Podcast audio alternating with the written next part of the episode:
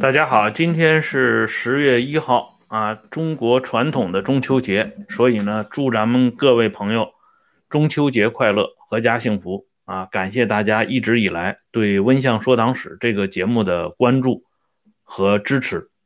好了，今天呢，我们来继续讲昨天没讲完的话题，就是说这一九三九年四月二十九号，这毛泽东和邓小平。他们两个人在延安再一次相遇了，而且呢，在这个窑洞里聊起了重大的人事话题。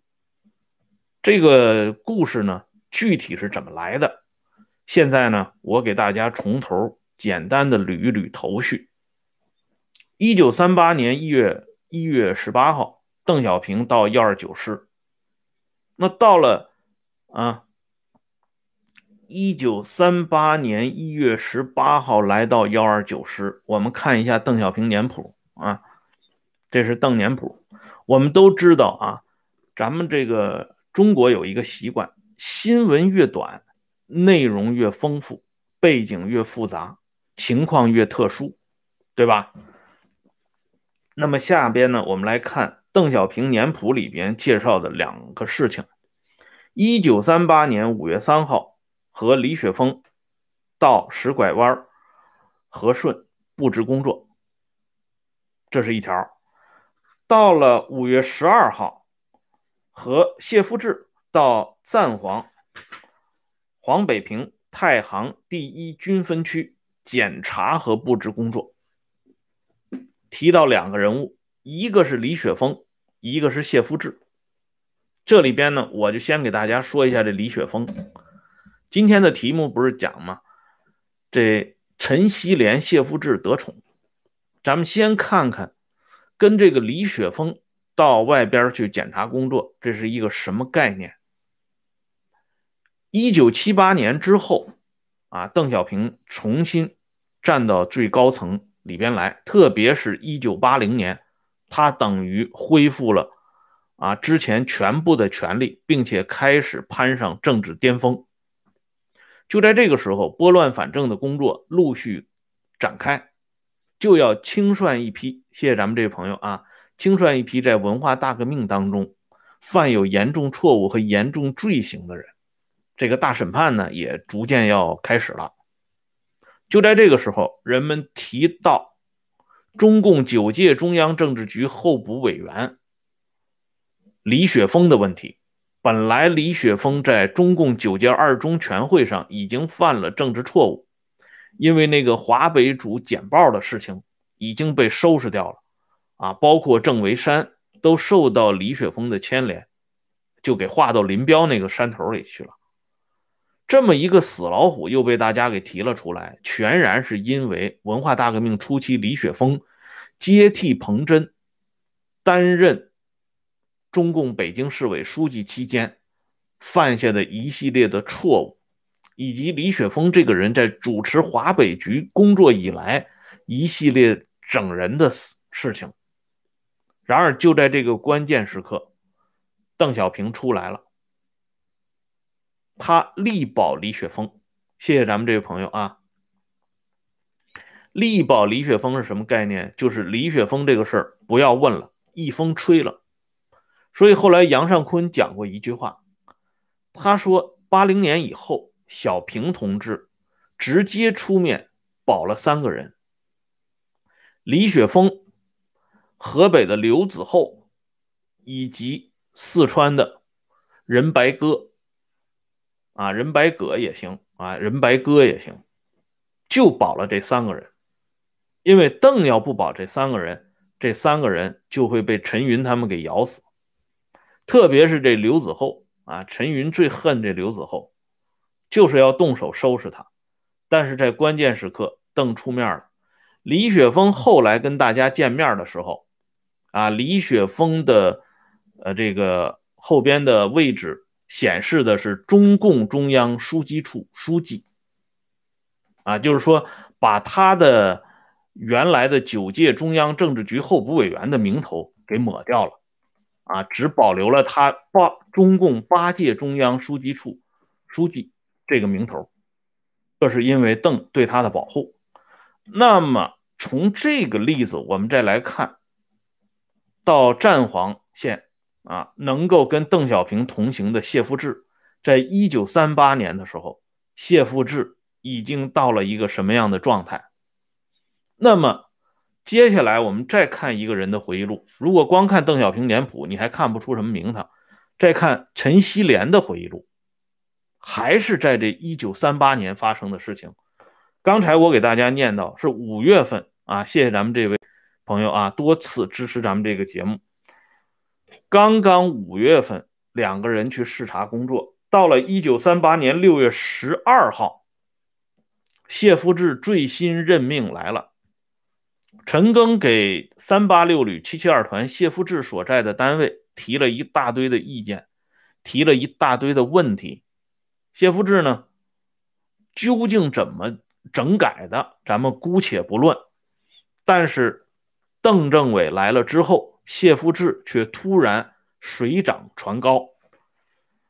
跟着邓政委去视察工作不算，到了一九三八年六月十二号，三八五旅幺二九师三八五旅指挥机关成立。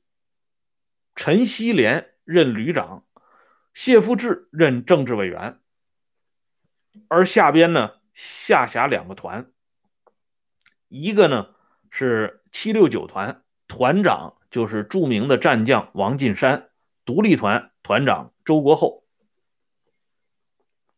我们可以看到啊，这个三八五旅。在我节目这这系列节目里边，给大家介绍过幺二九师下辖三八五旅和三八六旅，但是三八五旅大部分人马是留在延安做警卫工作的，所以这个建制是残缺不全的。可是这个时候，一九三八年六月份重新建立三八五旅，所以陈锡联后来讲，当时八路军有两个三八五旅，一个是在延安的三八五旅，一个是在前线的三八五旅。所以后来啊，这个中国共产党第七次全国代表大会在延安召开的时候，陈锡联讲，两个三八五旅都向党中央献了锦旗了。啊，也就是说，在陪邓政委视察工作一个月之后，谢富治登龙有数，一下子就跃到跟陈赓平级的部位了。啊，三八五旅政治委员。那陈锡联也水涨船高，变成了旅长。那么这个时候啊，我们来看一下陈锡联、谢富治这两个人是如何被提拔、重用和使用的。这四月二十九号，下一年一九三九年四月四号，邓小平提出来军事指挥员服从政治委员。一九三九年四月二十九号。啊，四月四号当天，谢富治表态。四月二十九号，在延安见到毛泽东，在窑洞里边，邓小平向毛泽东郑重推荐陈锡联、谢富治这两位四方面军的将领，在政治上已已经成熟起来了。换句话说，这两个人已经靠过来了。所以毛泽东跟邓小平他们究竟谈了具体什么内容？这个没有史料啊。咱们唯一知道的就是他们在结束谈话之后，毛泽东对谢富治和陈锡联有了一个更新的认识。这个认识就体现在对陈锡联和谢富治在一九三九年到一九四二年之间。在职务上的提拔重用，要知道后来啊，与陈陈粟啊，就是陈毅、粟裕和刘邓、刘伯承、邓小平三足鼎立的陈谢集团。陈谢集团呢，当时包括了太岳纵队、三十八军和一些其他武装，加在一起八万余人，归陈赓、谢富治领导。就是说，谢富治的地位从一九三九年四月二十九号之后一直稳步上升，而且他成为陈赓身边一个重要的延安安插过来的眼线。也是邓小平最放心的一个马前卒。这谢夫治用了什么样的办法呢？这里边就要提到陈赓。对于陈赓这个人的使用，实际上啊，毛泽东也好，邓小平也好，他是在很大程度上是一种这个无可奈何的这种表现的。因为陈赓这个人军事能力很强，但是这个人另外一个特点，桀骜不驯。更重要的是，这个人在历史上。他跟周恩来的关联非常深，那大家都知道，这中央特科离不开的就是陈赓这个人，所以对陈赓既要使用，也要敲打。这敲打的这个事情啊，就放在了谢夫治和邓小平身上。谢夫治啊，后来被打倒之后，被检举揭发，曾经在。上个世纪三十年代末和四十年代时候，轻陷陈赓同志，就是诬陷陈赓同志。这里边呢，自然有谢夫治被批臭之后啊，有些可能不属于谢夫治的事情也扣到了谢夫治的头上啊，也有呢，谢夫治确实在收拾陈赓这里边起了积极有效的作用的另一面啊，不是说他的所有的罪名啊。都是因为这个人在政治上臭了，就可以一风吹了，不是这样的。问题是谢福治伸手的同时，还有一个人进入到我们的视野当中，这个人就是当时靠山西抗日决死队起家的薄一波。众所周知，这薄一波和陈赓这两家是水火不容啊！不仅这个老的一辈老死不相往来。小的一辈儿之间也是啊，一向剑拔弩张啊。这个段子实际上大家已经应该都知道了啊。我以前也给大家讲过啊，陈赓对薄一波能够进入到七届候补中央委员候选人名单非常不满意，甚至直接向刘少奇、毛泽东做过汇报。而经毛泽东的允许，薄一波不仅成为七届候补中央委员，还一下子变成了七届中央委员，这等于说啊，给陈赓一记响亮的耳光啊！你不是反映问题吗？你越反映问题，我越提拔这个人。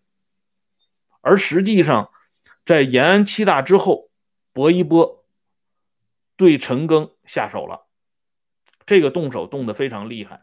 到了一九四七年，由走马点火。和贫雇农当家这两件事情，薄一波当时把陈赓搞到什么程度呢？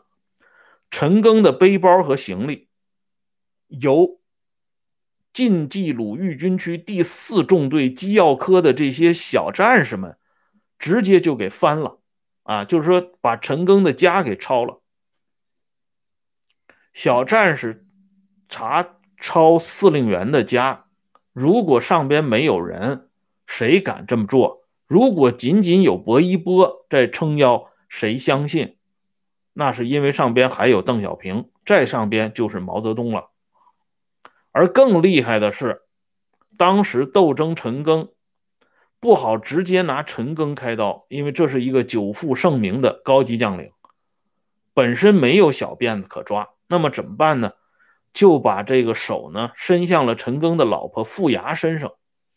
把这傅牙直接赶跑，啊，最惨烈的时候，连连一头毛驴都不给这傅牙，深夜就给他赶到河边，让他过河去。这个事情啊，也是历史上有记载的，而且也是这个老太岳部队他们之间这些将领们经常众口相传的一个故事。这是这个陈赓、薄一波两家。终于结下梁子的一个重要事件，那么这一切的一切，其实从当年幺二九师开拓太岳呃军区以及开拓晋冀鲁豫根据地的时候就已经开始了。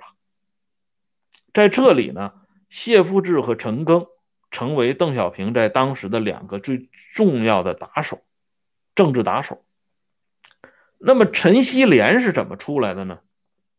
陈锡联这个人大家知道奇袭阳明堡啊等一系列的这个战役里边，陈锡联是一个非常能打仗的人。这个人不光能打仗，而且这个人非常会动脑筋。这个人的动脑筋程度，其实要比谢夫治还要高那么一点层次。就是说，陈锡联这个人经常挂在嘴边的话，后来他在沈阳军区当司令员啊。一九九六年，我曾经采访过陈锡联的警卫员。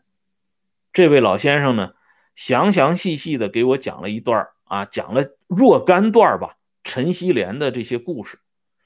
大家都知道这个著名的陈三两啊，指的就是这陈锡联。其中讲的一段故事啊，今天给大家说一下。他讲陈锡联经常讲的一句话，就是瓦罐要离锅沿儿远一点，就说没事别往跟前凑热闹。这里呢，啊，他就讲了这么一个故事。他说，文化大革命一九六六年中央工作会议开完以后，八届十一中全会中央工作会议开完以后，邓小平在会上被这个萧华、谢富治，包括王任重攻的不得了啊！就是这几个人啊，合伙围攻邓小平。老邓就是根本就受不了了。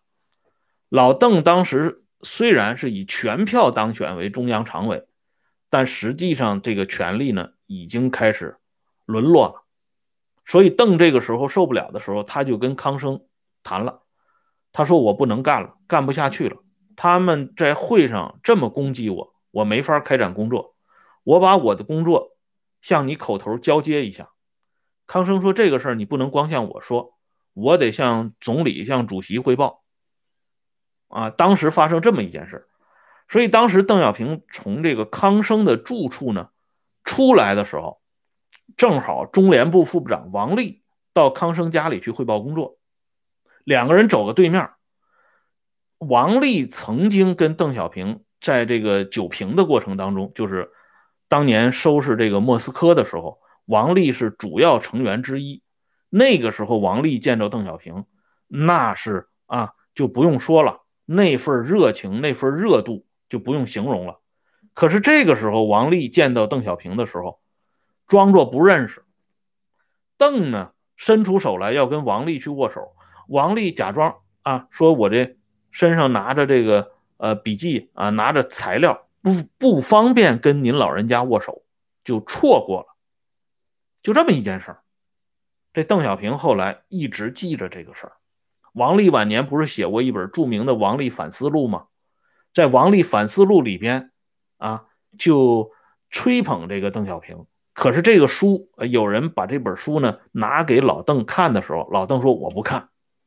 王力这个人，我知道，啊，那不握手的那个镜头一下子就出现了。所以你别看你在书里怎么吹捧我，你当年那德行我已经领教过了。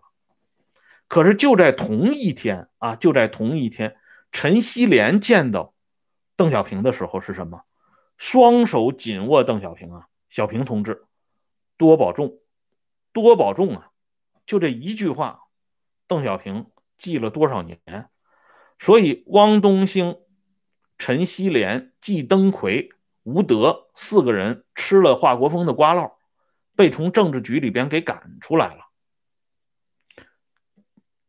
除了陈锡联以外，这三个人，汪东兴给面子。给了一个中共十二届候补中央委员最后一名，那季登奎和吴德就解甲卸甲归田了。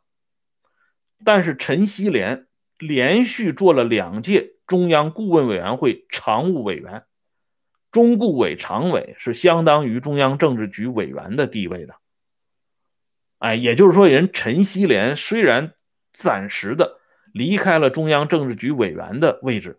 但随后又进入到了中顾委常委，等于一点都没落下。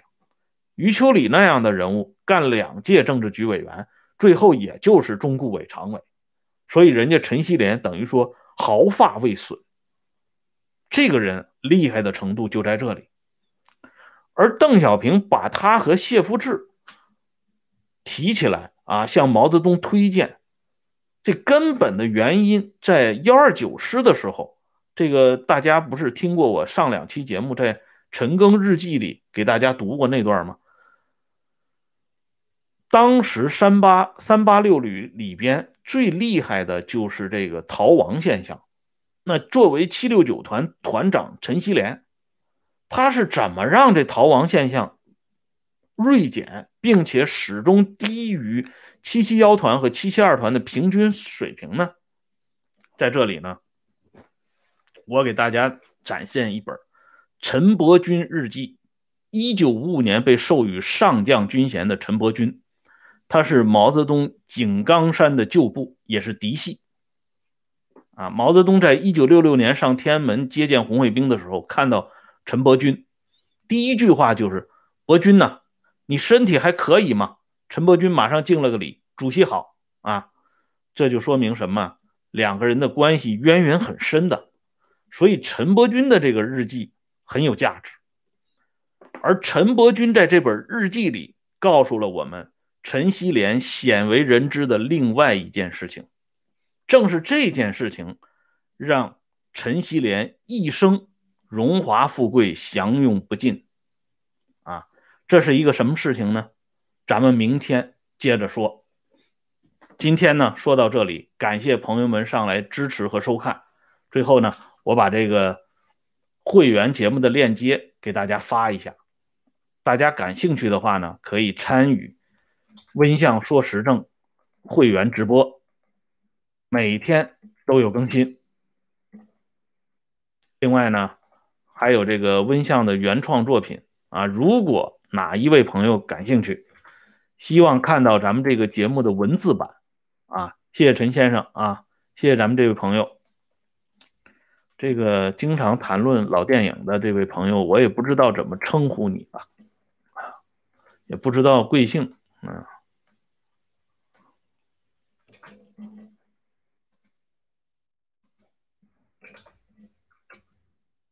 姓王啊，王先生，好了，那好吧，那咱们今天呢就说到这里啊。最后呢，祝大家节日快乐啊，阖家幸福啊，过节了，好好高兴高兴啊，